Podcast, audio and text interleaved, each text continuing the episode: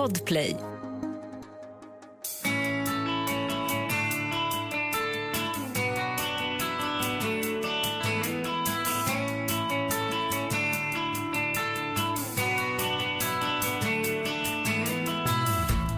Hej och välkommen till ett nytt avsnitt av Hälsogåtan. Jag heter Anders Wallensten, är läkare, expert på folkhälsa och författare till boken Hälsogåtan.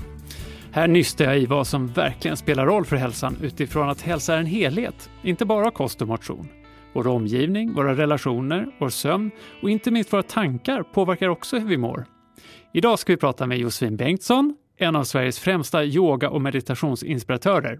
Hej Josefin! Hej! Josefin, din karriär började på ett helt annat ställe än yogamattan om jag förstår det rätt. Handelshögskolan och sen en karriär som strategikonsult. Berätta, Ja. vad hände?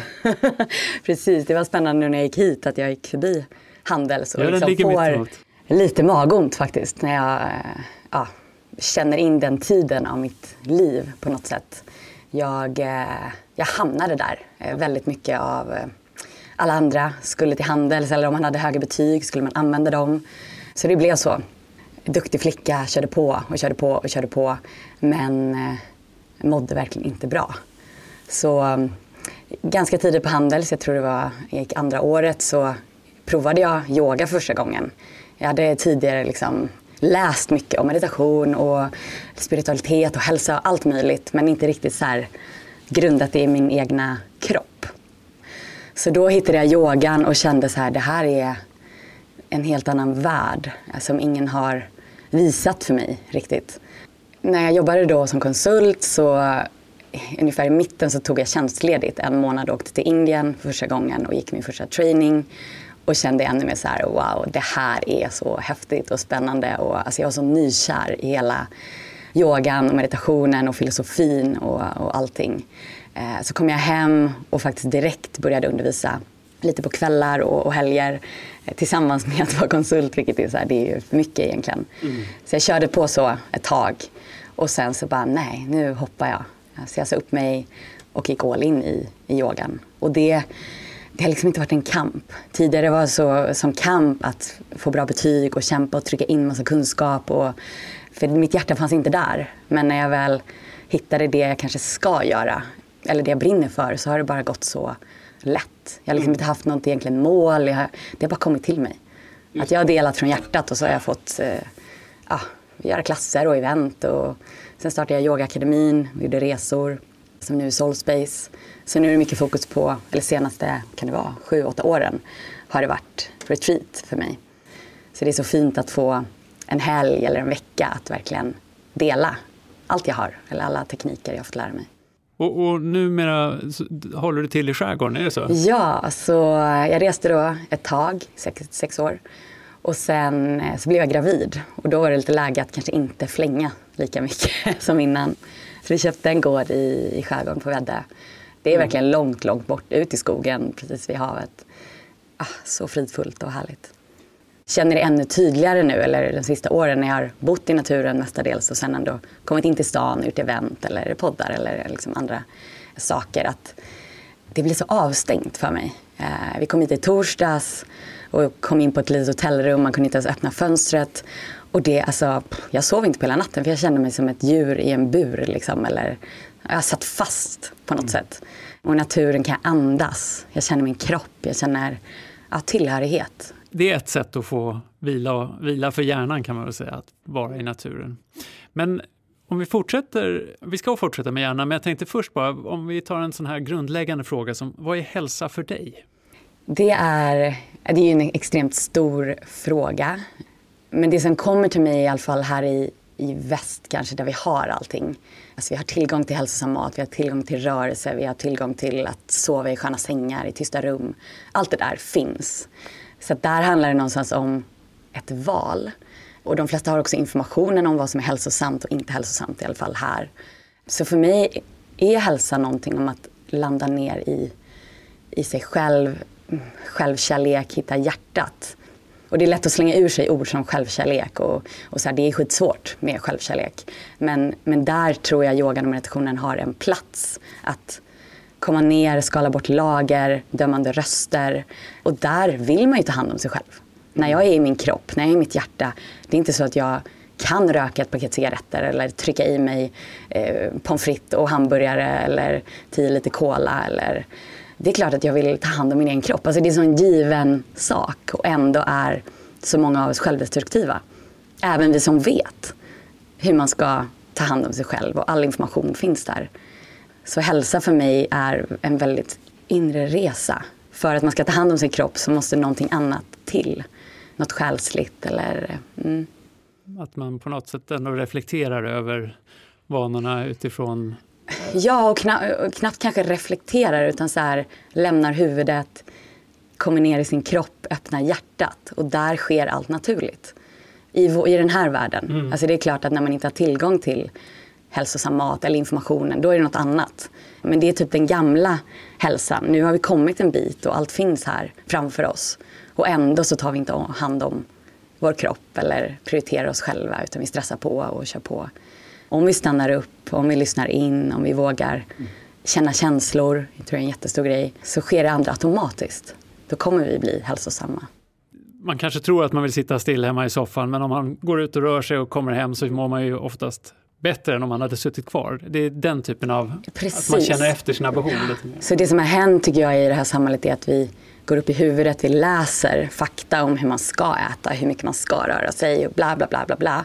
Och det kan väl vara bra men vi slutar lyssna på vår egna kropp. Mm. Och den tror jag säger så olika varje dag i olika situationer i livet. Vad man behöver, hur mycket rörelse, vilken typ, vilken typ av mat.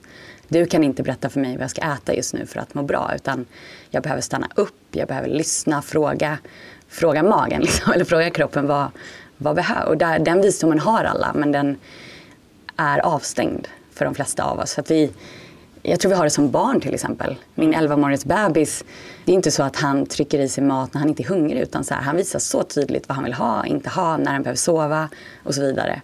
Och den, det är som att vi klipps av ganska tidigt i livet. Och det är ett exempel när jag gick på Handels. Då var ju alla väldigt medvetna och liksom har så mycket information och pålästa. Liksom, allt ifrån kost och hälsa och träning.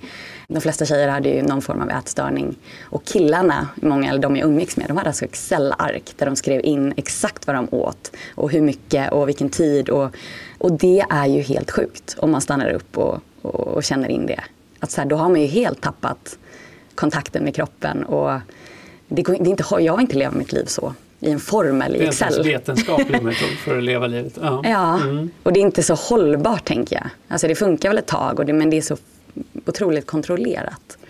Ja, så är det väl. Just vad det gäller dieter och sånt där. Om det ska mm. hålla över tid så måste det vara något som är, inte kräver allt för mycket insats på ett sätt och vis. Ja, och alla de här klockorna och allt som, alltså det finns så mycket mätning. Mm. Vilket kan, alltså det kan väl vara intressant ibland att se hur mycket man sover och hit och dit. Men jag tror det lätt blir att man går upp i huvudet och slutar lyssna. Är jag trött eller är jag pigg? Eller? ja. Jag har också använt sådana här klockor och så, så just eh, kan man se då är jag redo för att träna igen? Ska klockan mm. kunna säga. Men det kan man ju, eller om jag känner efter så känner jag för att träna eller känner jag inte för att träna. Eller är kroppen sliten eller inte? Mm. Det, det, är ofta en känsla man har om man tänker efter. Så det kan jag hålla med om verkligen. Eh, men om vi går vidare lite till det här med, vi börjar i, hörnet meditation som jag förstår att du har hållit på med länge och varit nyfiken på länge. Kan du inte berätta? Ja, det är en, det är en del av mitt liv. En mirakelmedicin typ för mig. Ja, men berätta, att... det låter som en, ett starkt ord. Vad, ja. vad, är, vad, är vad jag vet att du också använder mirakelmedicin med rörelse och det håller jag med om också. Ja, men det, ena, jag har hittat, det finns ju många olika typer av meditation. Och, men det är någonting i det här nakna avskalade i att bara sitta. Så jag sitter en timme liksom och skannar min kropp upp och ner, upp och ner, upp och ner. Så det är väldigt kroppsligt, inte väldigt icke-flummigt. Vilket jag också gillar. Att det är så här, jag lämnar huvudet och går ner i min kropp. Du tänker i huvudet att du jag går igenom känner, kroppen? Ja, exakt. En, en form av kroppsscanning kan man säga. Jag känner olika delar av kroppen. Mm. Och det efter ett tag, liksom efter en kvart, en halvtimme, 45 minuter, då brukar någonting annat uppstå. Att jag kommer in i hjärtat, att jag får kontakt. Att det, och det, det är alltid svårt att sätta ord på vad som sker. Men, men där uppstår någon form av magi. Överanvänt ord. Men ja, någon, någon stillhet, någon klarhet, inre visdom. Och det är det, ja, den, den hjälper mig otroligt mycket i alla lägen i livet. Berätta, okej, okay. alltså det är en härlig känsla då, men vad, på vilket sätt hjälper den dig i livet sen? Att jag är kvar i mig själv tror jag. För världen är ju, eh, även om jag bor ute i skärgården så har jag ju fortfarande en dator, jag har sociala medier och, eh, och sådär och träffar människor och saker att göra. Så det är lätt att flyga upp i huvudet. Och, det... och när du säger att du är uppe i huvudet, vad exakt menar du då? Jag känner att jag lämnar mig själv och går upp i tänkande på dåtid och framtid och analyserande och jag är inte här och nu mm. som jag är i meditation. Mm. Men om jag då har mediterat en timme så är det lättare att vara kvar med ett litet ankare i mig, i mitt hjärta och därifrån ta in, ta in världen. Det är som att jag får tillgång till en större del av mig själv än bara det som huvudet kan tänka ut eller det är lätt att trassla in sig i huvudet tycker jag. Att man är de här eh, tankesnurrorna lugnare då? Ja. Så att du är mer öppen för det som är omkring dig? Ja, det blir mer klarhet istället för att älta och älta och älta, mm. oro och planering. Och så är det ofta att jag får bara så här, ja men så här ska jag göra. Mm. Så ska jag gå eller så, så ska jag, ja.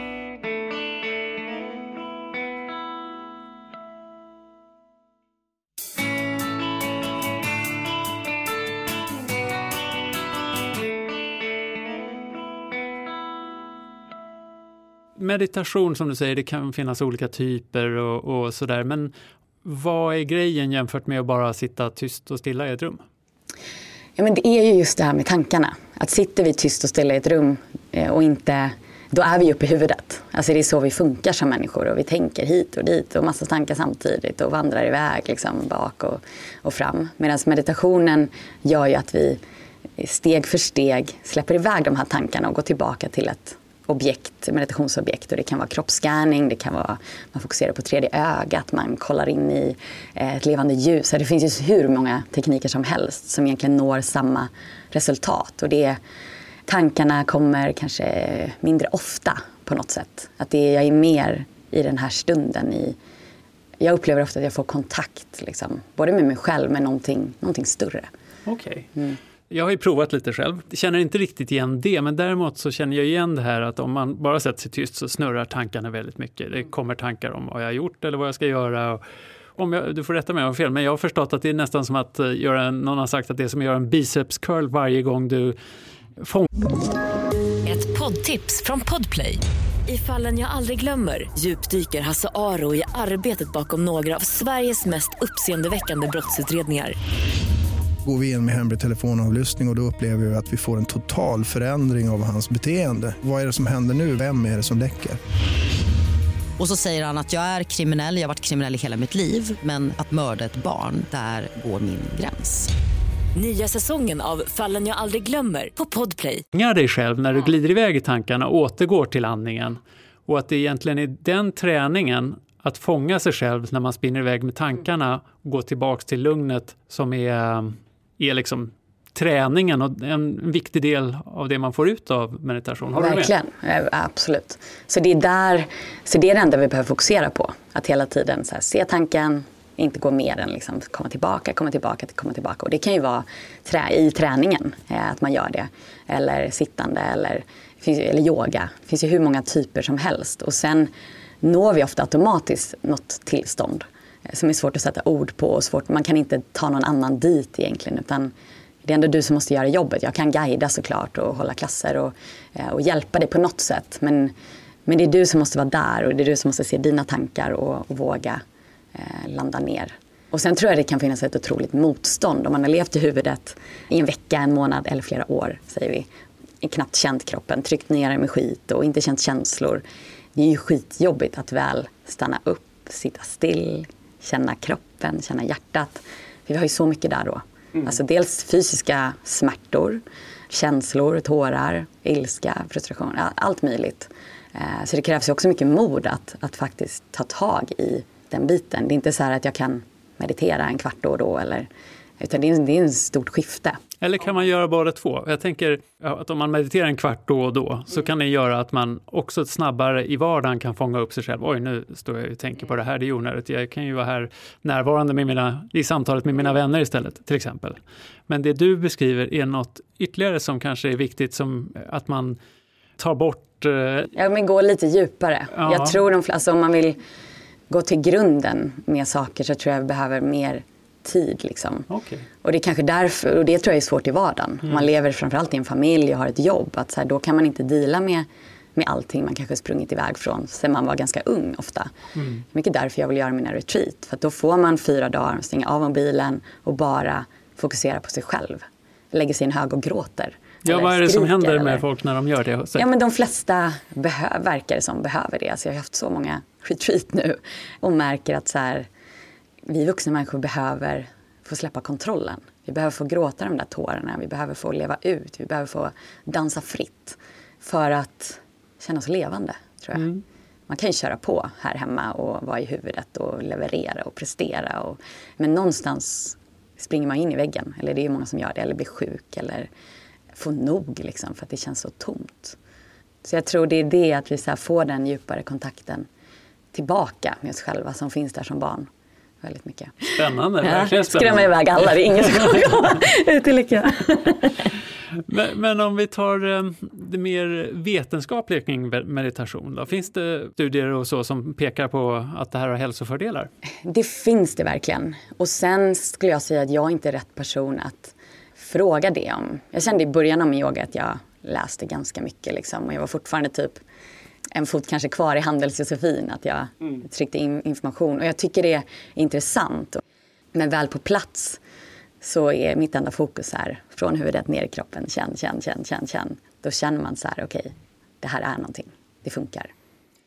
Nej, exakt. Det, det, finns ju studier som kanske pekar åt att det minskar oro och, mm. och att eh, kanske blodtrycket till och med och såna här saker. Men att det i grunden det som spelar roll är ju också om man känner att man mår bra av mm. någonting på det här sättet som inte är skadligt på något annat sätt så, så är ju den känslan på riktigt och något som man kan ha med sig. Det är väl så jag känner i alla fall när jag, om jag har mediterat eller så att det är lugnet jag får. Det är ju Eh, är ju något högst påtagligt. Även om det kanske inte skulle falla ut i en studie som att jag har blivit mm. mindre stressad så är det ju ändå värdefullt om man känner att man mår bra av det. Ja.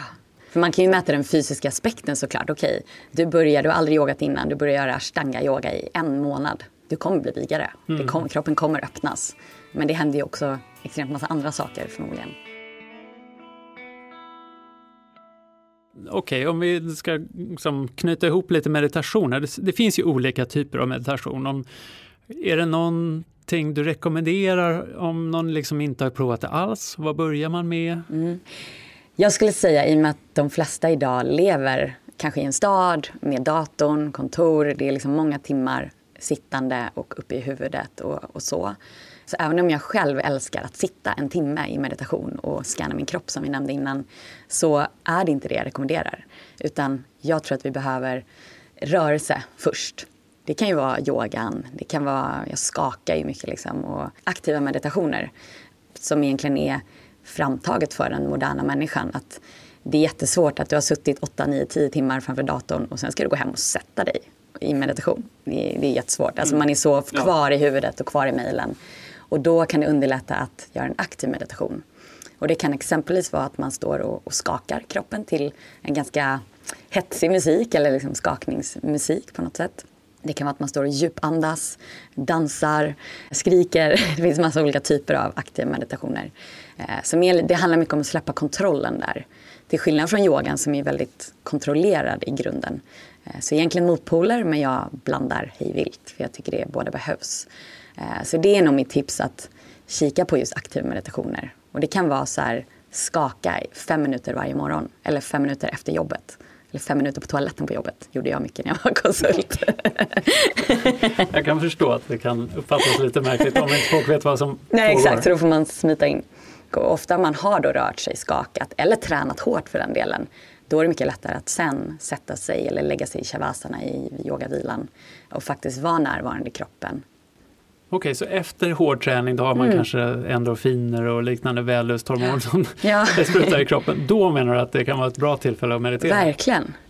Um, man kan ju ta stretchen till en stund att, att verkligen vara närvarande med förnimmelserna i kroppen istället. Känna sitt hjärta, känna sitt andetag. Man är mer mottaglig där. Mm. Då passar det nästan bra att gå över till yogan tycker jag som är ju kopplat till meditation har du nämnt men mm. kanske är också någonting annat. Kan du berätta, vad är skillnaden mellan meditation och yoga? Och...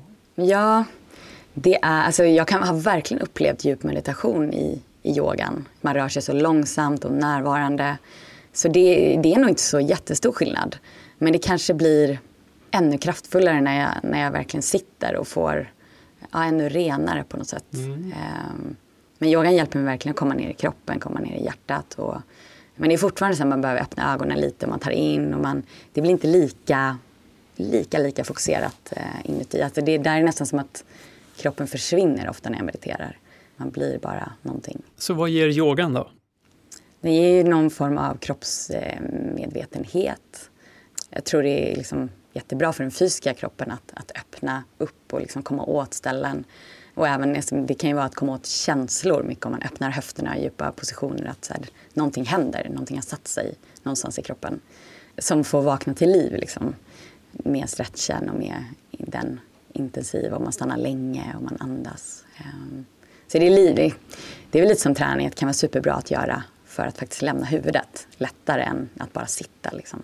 Det är ju väldigt specifika positioner där man då stretchar eller mm. försöker öppna upp som du säger. Det är också då en form av träning, men vad är det som skiljer det från övrig träning då kan man säga? När, fokus på närvaro mm. eh, är det vad jag har upplevt. Så jag, jag var till exempel gymnast när jag var liten och tävlade i det. Och det är ju mycket, alltså man står på händer när man är gymnast och man står på händer i, i yogan.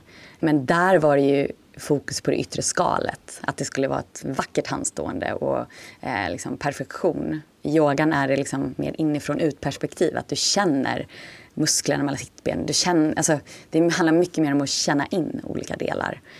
Det är där jag tror det, det skiljer sig från mycket träning. Att mycket träning kan vara prestation och man ska tävla och man ska få en snygg kropp och man ska uppnå ett, ett mål på det sättet. Medan yogan är, jag älskar att det inte finns tävling eller du gör det för dig och det, det är du och din kropp som du ska känna in. Och det är skönt att, att stretcha, eller det kan vara skönt att göra en solhälsning eller stå på händer eller vad det nu kan vara. Det finns viss, viss mått av smärta inblandat också. Men eh, absolut, ja. efteråt är det ofta en väldigt behaglig känsla. Ja.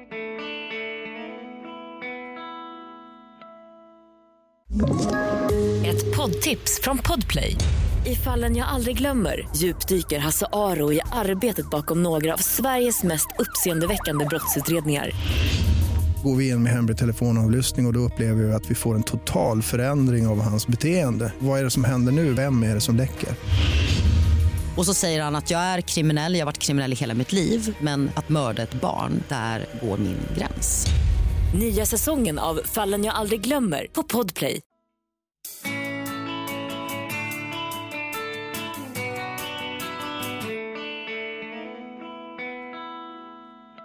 Okej, okay, och yoga då? Vad, vad, ser du för hälsofördelar av det? Jag kan tänka mig då att man får ju bättre rörlighet kanske och man får bättre balans. Är det något annat du tänker där? Ja, men det, det är så brett, för det är både den fysiska kroppen som jag tror mår bra, framförallt om man sitter mycket eller tränar mycket, att, att faktiskt få öppna upp blockeringar och spänningar och få vara fri.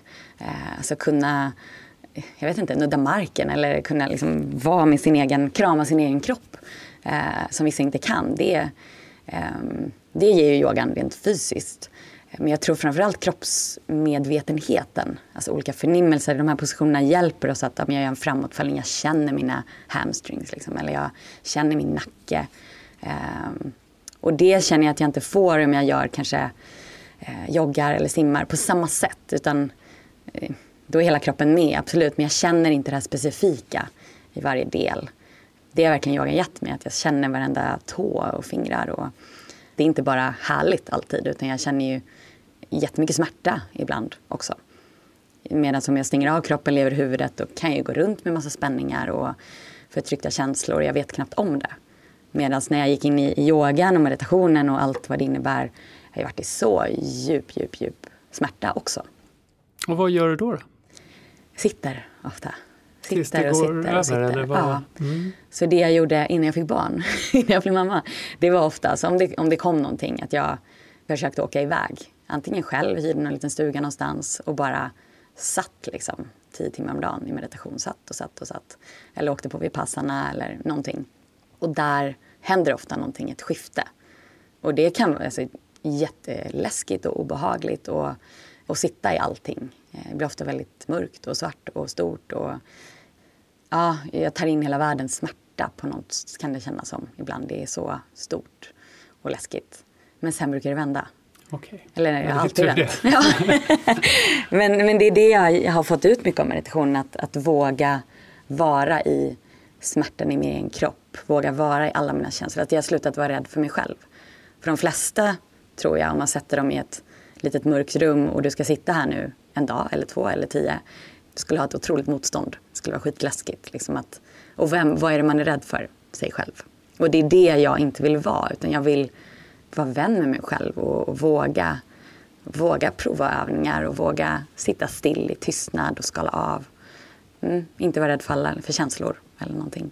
Ser du lite tydligare vad, vad du saknar eller har för behov? Ja, eller vad jag gör mot mig själv kanske. Självdestruktivitet, mm. det har vi ju alla. Eller jag flyr från att känna. Och det kan ju vara ja, med mat och träning till exempel som man använder som att okej okay, om jag kontrollerar min mat så tar jag kontroll över mitt liv på något sätt. Men jag svälter ju mig själv. Alltså det är helt galet egentligen hur många som håller på med det eller övertränar. Man bara köttar, köttar, köttar.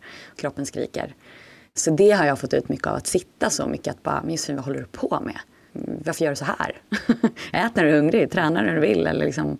Så hur ser din, nu när du har hållit på med det här så länge och ja. då gett dig själv massor av tillfällen att känna vad din kropp behöver och vad du egentligen vill, så att säga. Vad, vad, vad har du kommit fram till? Hur ser din dag ut? Ja, men det, det som skiljer nu från för några år sedan, då var jag mycket mer eh, liksom upp varje dag, samma tid, tidigt och körde två timmar stanga, satt en timme meditation väldigt så samma, samma, samma, vilket var superbra i början tror jag. Och sen har det skiftat lite. Det kanske var under ett år var det ashtanga, ett år vinyasa, ett år kundaliniyoga. Alltså lite så olika men ändå all in i det jag gjorde.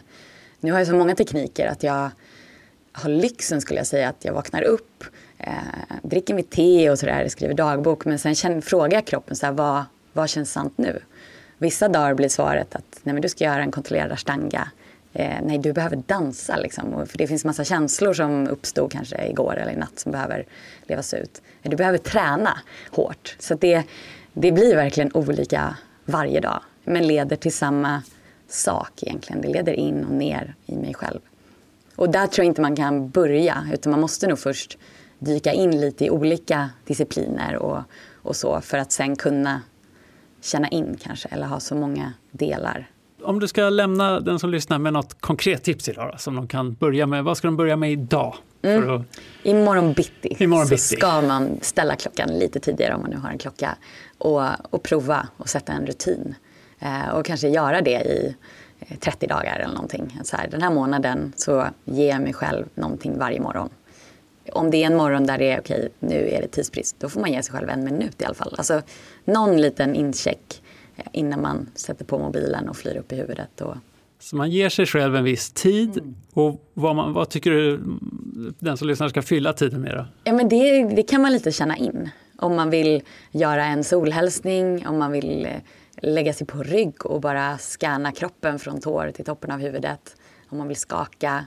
Det spelar mindre roll, tycker jag. Utan så här, din tid, där du landar ner i din kropp på något sätt. Det låter fantastiskt. Mm. Stort tack att du kom hit Josefin Bengtsson. Jättekul att du var här. Tusen tack. I nästa avsnitt träffar jag läkaren och forskaren Kerstin Brismar. Vi ska prata om hälsosam mat, risker med småätande och vad fasta har för effekter. Kanske är tajmingen för när vi äter viktigare än vad vi äter. Det ska jag fråga Kerstin om. Missa inte det! Jag heter Anders Wallensten, producent var Lisa Tallroth för klippning stod Mats Liljenberg och vignettmusiken har jag gjort tillsammans med Lars Benkert. Hälsogåtan är en podd från Bonnier Fakta.